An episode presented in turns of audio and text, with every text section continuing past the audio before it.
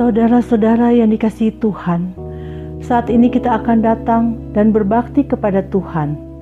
Karena itu, mari persiapkan hati dan pikiran agar kebaktian kita dapat memuliakan Tuhan. Dengan kesungguhan hati, mari kita mengagungkan nama Tuhan melalui pujian pada pagi ini yang cerah. Pelengkap Kidung Jemaat 168 bait 1 sampai 3.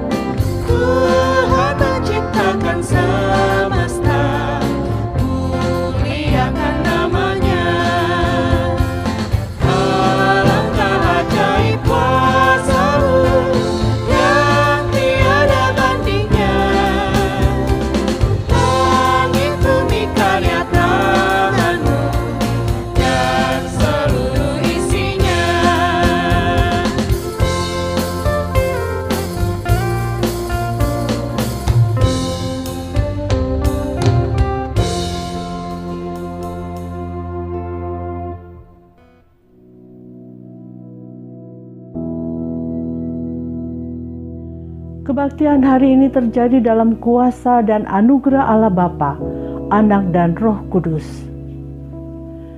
Kasih karunia dan damai sejahtera dari Allah, Bapa kita dan dari Tuhan Yesus Kristus menyertai saudara sekalian.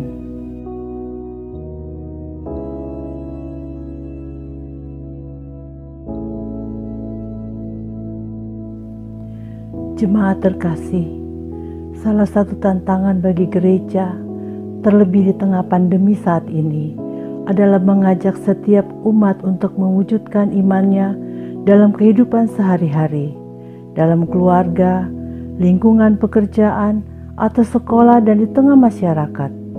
Melalui tema kebaktian hari ini, seperti benih yang ditabur dan berbuah, kita diajak untuk kembali memahami perintah dan teladan Kristus yang menunjukkan sikap empatinya kepada orang-orang sakit dan yang lemah dengan belas kasihan yang ditunjukkan secara nyata. Sebagaimana tertulis dalam Matius 13 ayat 12. Karena siapa yang mempunyai, kepadanya akan diberi, sehingga ia berkelimpahan. Tetapi siapa yang tidak mempunyai, apa pun juga yang ada padanya akan diambil daripadanya.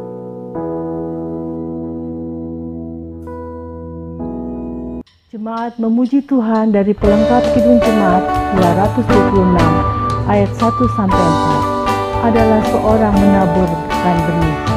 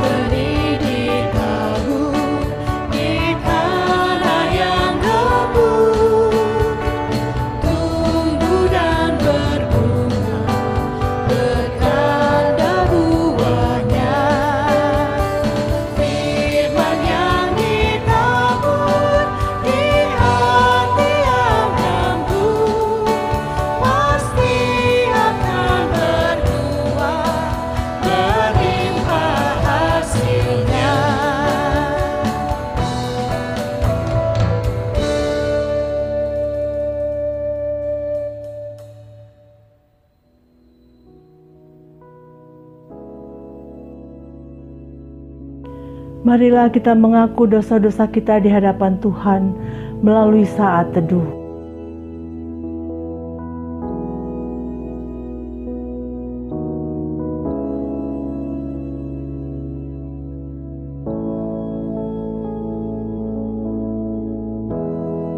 Bapa Surgawi yang kami sembah dalam Kristus Yesus.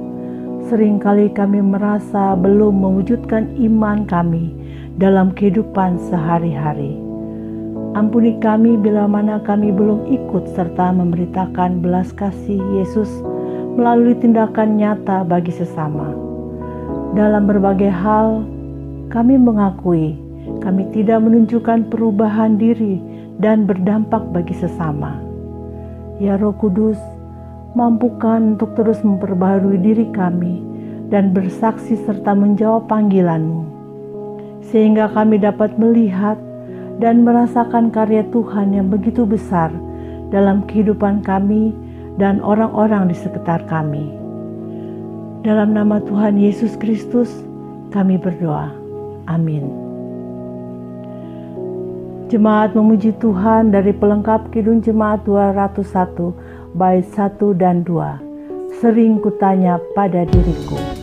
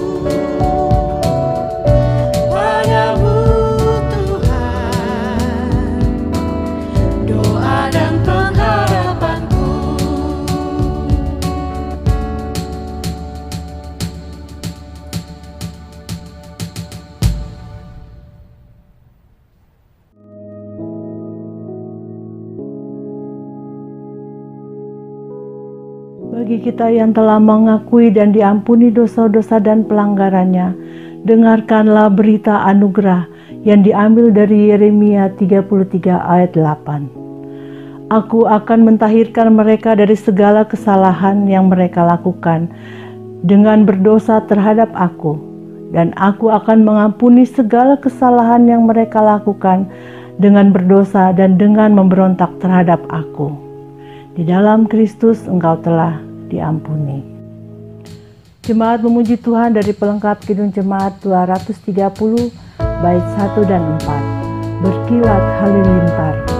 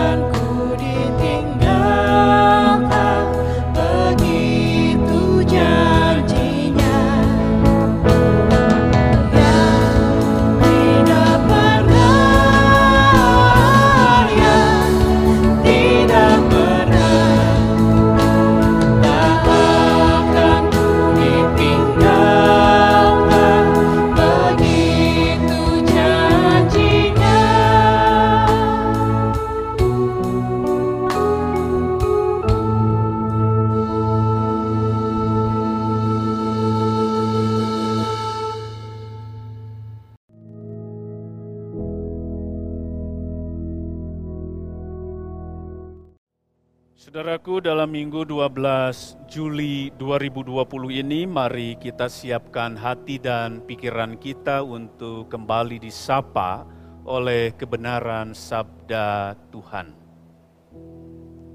Pembacaan Alkitab terambil dari Injil Yesus Kristus menurut Matius 13 ayat pertama sampai 9, dilanjutkan ayat 18 sampai 23. Sebelum kita membaca, mari kita bersatu hati di dalam doa. Allah Bapa, saat ini kami bersyukur untuk waktu yang baik di mana kami akan disapa oleh kebenaran firman-Mu.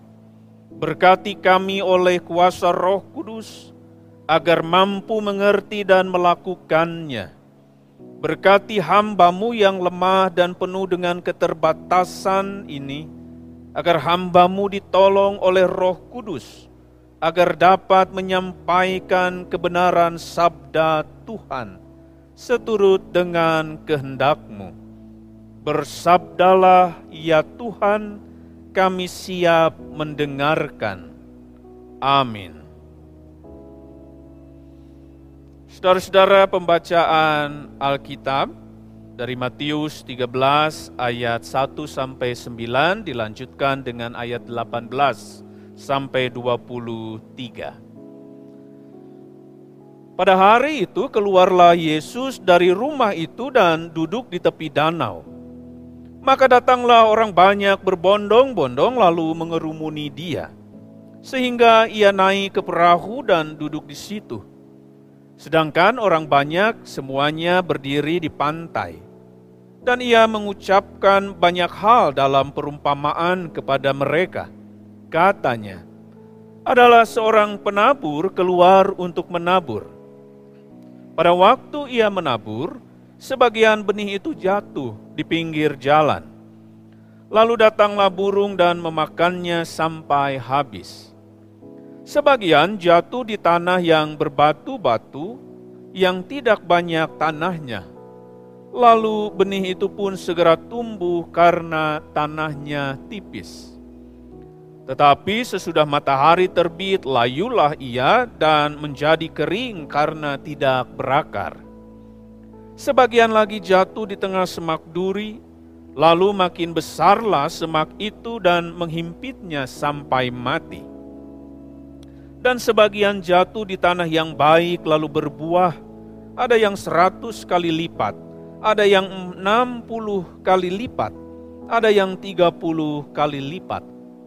Siapa bertelinga, hendaklah ia mendengar. Karena itu, dengarlah arti perumpamaan penabur ini kepada setiap orang yang mendengar firman tentang kerajaan sorga, tetapi tidak mengertinya. Datanglah si jahat dan merampas yang ditaburkan dalam hati orang itu. Itulah benih yang ditaburkan di pinggir jalan Benih yang ditaburkan di tanah yang berbatu-batu ialah orang yang mendengar firman itu dan segera menerimanya dengan gembira. Tetapi ia tidak berakar dan tahan sebentar saja. Apabila datang penindasan atau penganiayaan karena firman itu, orang itu pun segera murtad yang ditaburkan di tengah semak duri ialah orang yang mendengar firman itu lalu kekhawatiran dunia ini dan tipu daya kekayaan menghimpit firman itu sehingga tidak berbuah. Yang ditaburkan di tanah yang baik ialah orang yang mendengar firman itu dan mengerti, dan karena itu ia berbuah. Ada yang seratus kali lipat, ada yang 60 kali lipat, ada yang 30 kali lipat. Saudara yang berbahagia, setiap orang yang mendengar firman Tuhan, memelihara dan melakukannya di dalam hidup setiap hari. Haleluya!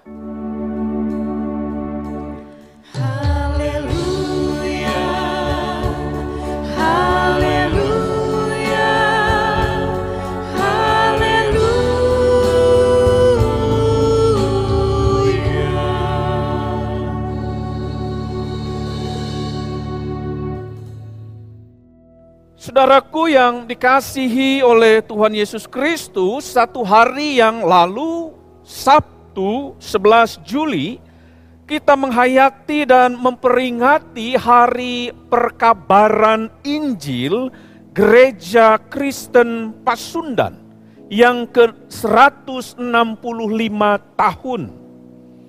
Kita tentu patut bersyukur karena Injil boleh hadir di tanah Pasundan, bahkan tumbuh dan berbuah. Itu semua adalah karya kebaikan Allah.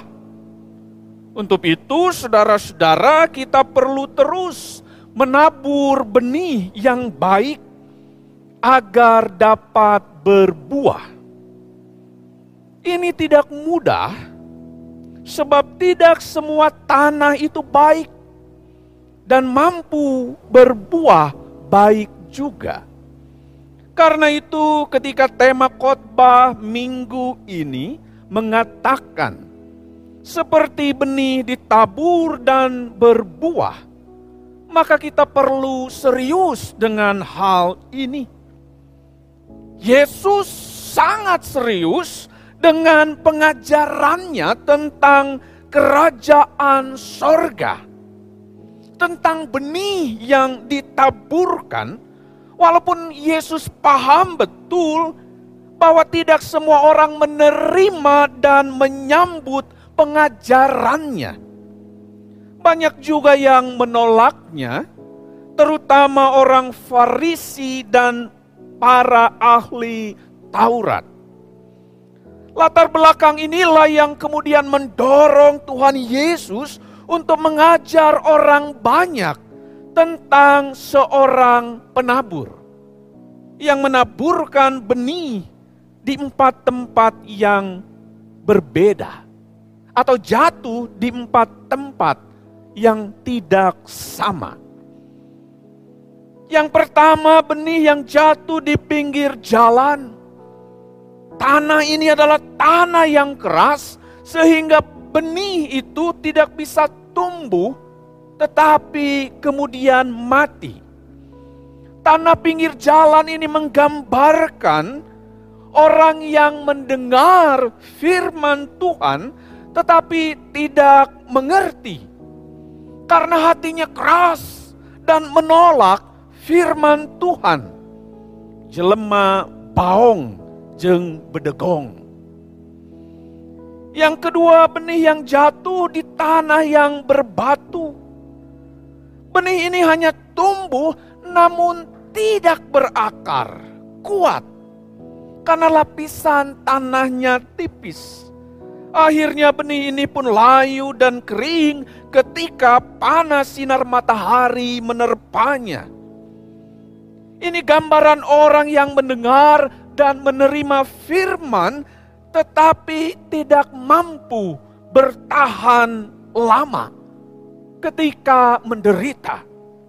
Orang seperti ini termasuk tipe gampangan.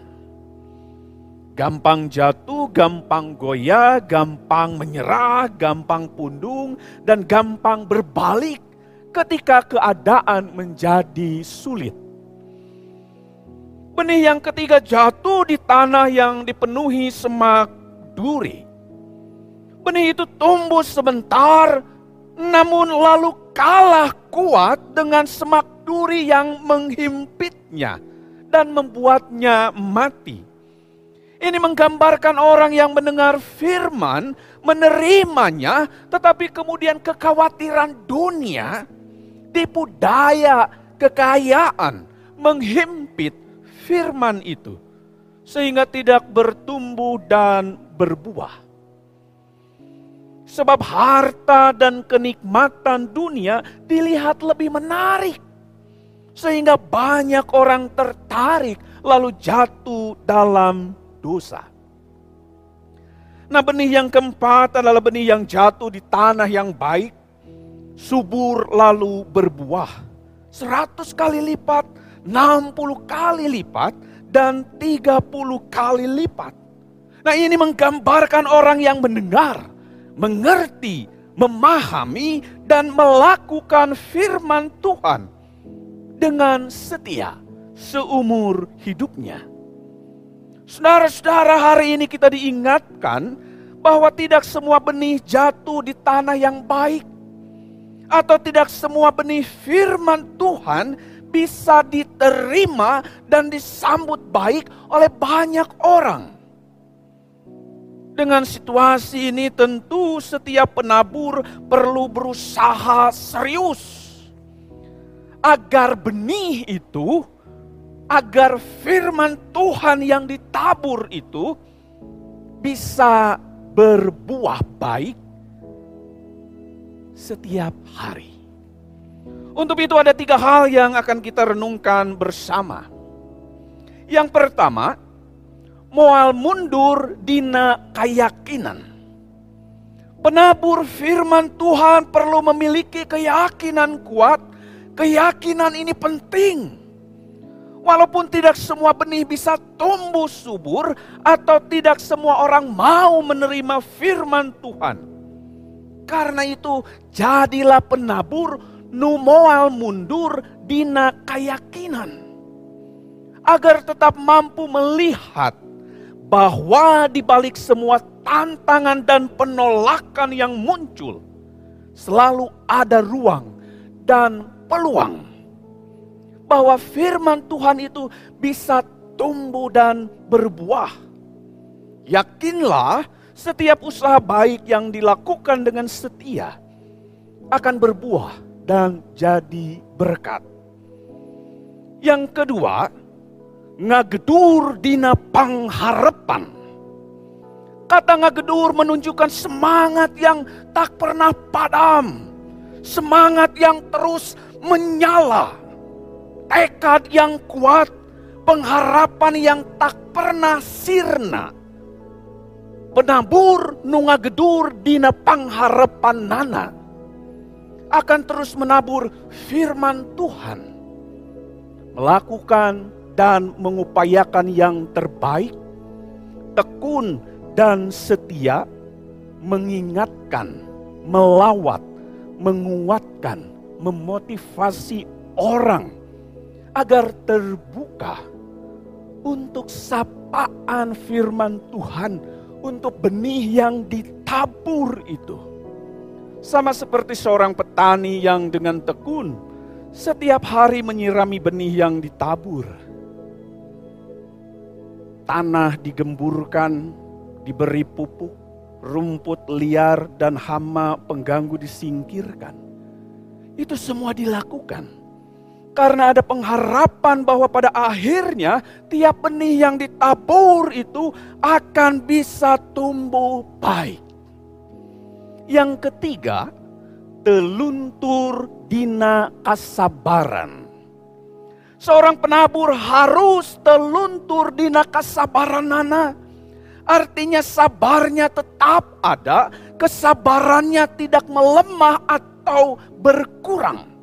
Sabar di sini penting sebab tiap benih yang ditabur memerlukan waktu untuk bisa bertumbuh dan berbuah. Tidak mungkin ada hasil yang instan. Hari ini ditabur, besok berbuah. Sebab semua perlu waktu dan proses. Karena itu seorang penabur firman Tuhan tidak bisa mengubah sifat pelit jadi murah hati, ngedul jadi rajin, masa bodoh jadi peduli dalam satu hari. Sabarlah dengan proses yang harus dilewati, sama seperti ketika kita ngebet mau cepat kebaktian di gereja, tidak sabar berproses dengan protokol kesehatan, maka kita akan menuai bahaya, bukan bahagia. Karena itu, teruslah teluntur dina kesabaran. Saudaraku dengan keyakinan, pengharapan dan kesabaran, mari kita terus menaburkan benih baik di tanah yang baik sehingga berbuah baik. Amin.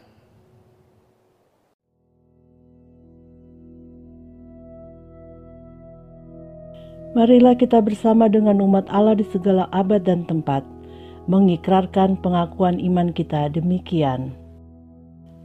Aku percaya kepada Allah, Bapa yang Maha Kuasa, Halik langit dan bumi, dan kepada Yesus Kristus, anaknya yang tunggal, Tuhan kita, yang dikandung daripada roh kudus, lahir dari anak darah Maria, yang menderita di bawah pemerintahan Pontius Pilatus, disalibkan, mati dan dikuburkan, turun ke dalam kerajaan maut. Pada hari yang ketiga, bangkit pula dari antara orang mati, naik ke surga, duduk di sebelah kanan Allah, Bapa yang Maha Kuasa, dan akan datang dari sana untuk menghakimi orang yang hidup dan yang mati. Aku percaya kepada Roh Kudus, gereja yang kudus dan am, persekutuan orang kudus, pengampunan dosa, kebangkitan daging, dan hidup yang kekal.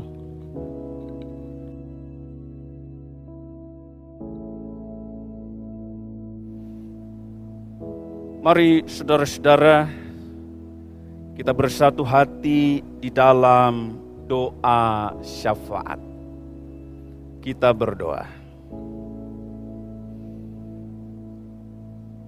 Allah Bapa yang mengasihi kami, Terima kasih untuk firman-Mu hari ini dan mampukan kami untuk dapat melakukannya dengan baik dan benar.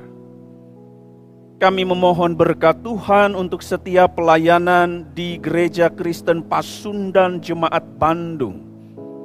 Baik di pos ke RSI Ganjar Temu Cinunuk dan di pos pelayanan Langensari juga Jambu Raya Berkati para pelayan Tuhan, baik pendeta, penatua, PPJ, komisi-komisi, PHRG, dan seluruh anggota jemaat juga simpatisan, agar terus sehati sepikir, agar terus mampu berkomitmen dan setia di dalam Tuhan dan di dalam hidup bersama Berkati rumah tangga kami, pekerjaan kami, pendidikan anak-anak kami, dan kesaksian hidup kami di tengah-tengah masyarakat.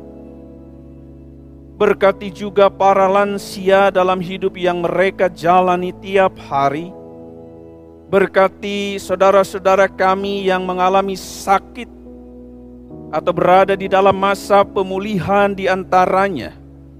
Kami berdoa untuk Bapak Sukardi Sairun, Ibu Hana Sarean, Bapak Toto Oktotawan, Bapak Iwayan Karda, Bapak Warnata, Bapak Undang, Ibu Ati Miharyati, Saudari Irma, Ibu Parwati Dani, Bapak Rahman Kaiin, Ibu Min Suhaemi, Ibu Ani, Ibu Asnita Rifai, Ibu Ani Marsali, Bapak Edi Gemajia, Ibu Helmi Meliana, Bapak Aka Siringo Ringo, Ibu Elizabeth Kario, Bapak Dr. PS Napitupulu, Bapak Engkong Ana, Bapak Rasmadi, Bapak Panjaitan, Ibu Yani Rikin, dan Bapak Rukman. Kiranya mereka dapat merasakan kasih dan lawatan Tuhan, sehingga beroleh kekuatan dan kesehatan. Berkati sesama kami yang terdampak pandemi virus corona, berkati para medis yang terus berjuang, berkati pemerintah kami di dalam upaya menanggulangi penyebaran virus corona, dan di dalam berbagai upaya untuk terus mensejahterakan seluruh rakyat Indonesia. Kiranya kami bisa untuk semakin juga berhikmat ya Allah di dalam masa pandemi ini sehingga mampu saling jaga, saling peduli dengan sesama kami. Dan saat ini kami mau berdoa dengan doa yang Tuhan ajarkan. Bapa kami yang di surga, dikuduskanlah namamu. Datanglah kerajaanmu, jadilah kehendakmu di bumi seperti di surga. Berikanlah kami pada hari ini makanan kami yang secukupnya, dan ampunilah kami akan kesalahan kami, seperti kami juga mengampuni orang yang bersalah kepada kami. Dan janganlah membawa kami ke dalam pencobaan, tetapi lepaskanlah kami daripada yang jahat, karena engkaulah yang empunya kerajaan dan kuasa, dan kemuliaan sampai selama-lamanya. Amin.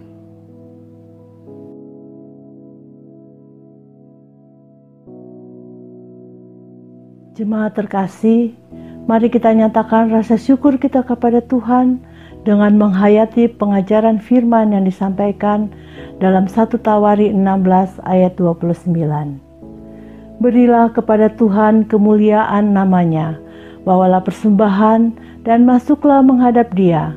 Sujudlah menyembah kepada Tuhan dengan berhiaskan kekudusan. Jemaat Tuhan memuji dari pelengkap Kidung Jemaat 147 bait 1 dan 3. Di sini aku bawa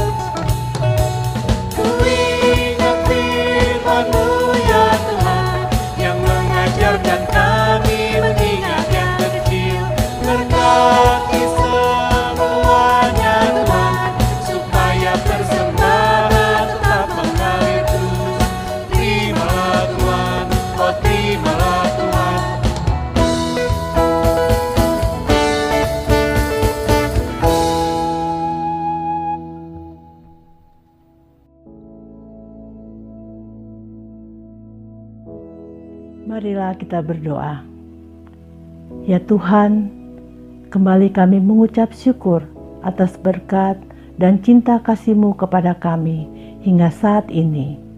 Saat ini kami telah memberikan persembahan syukur. Ya Tuhan, berkati persembahan ini agar dapat berguna untuk penyelenggaraan karya Tuhan di bumi ini.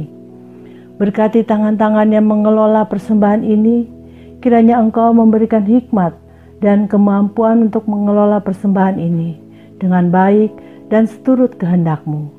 Inilah doa kami ya Tuhan, dalam nama Yesus Kristus kami berdoa. Amin.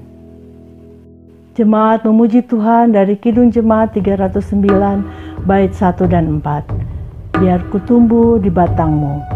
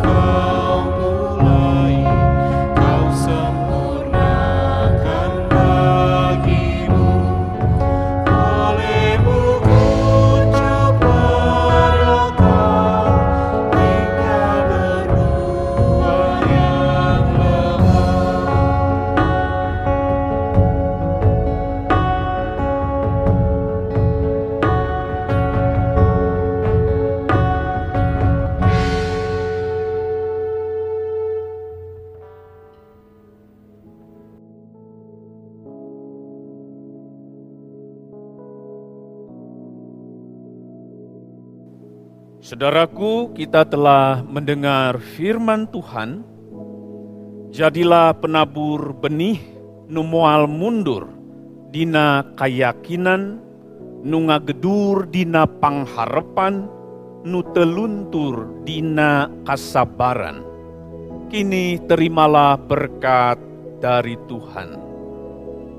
Kasih karunia daripada Allah Bapa dan damai sejahtera dari Tuhan kita Yesus Kristus dalam persekutuan dengan Roh Kudus kiranya menyertai saudara sekalian sejak saat ini sampai selamanya. Amin.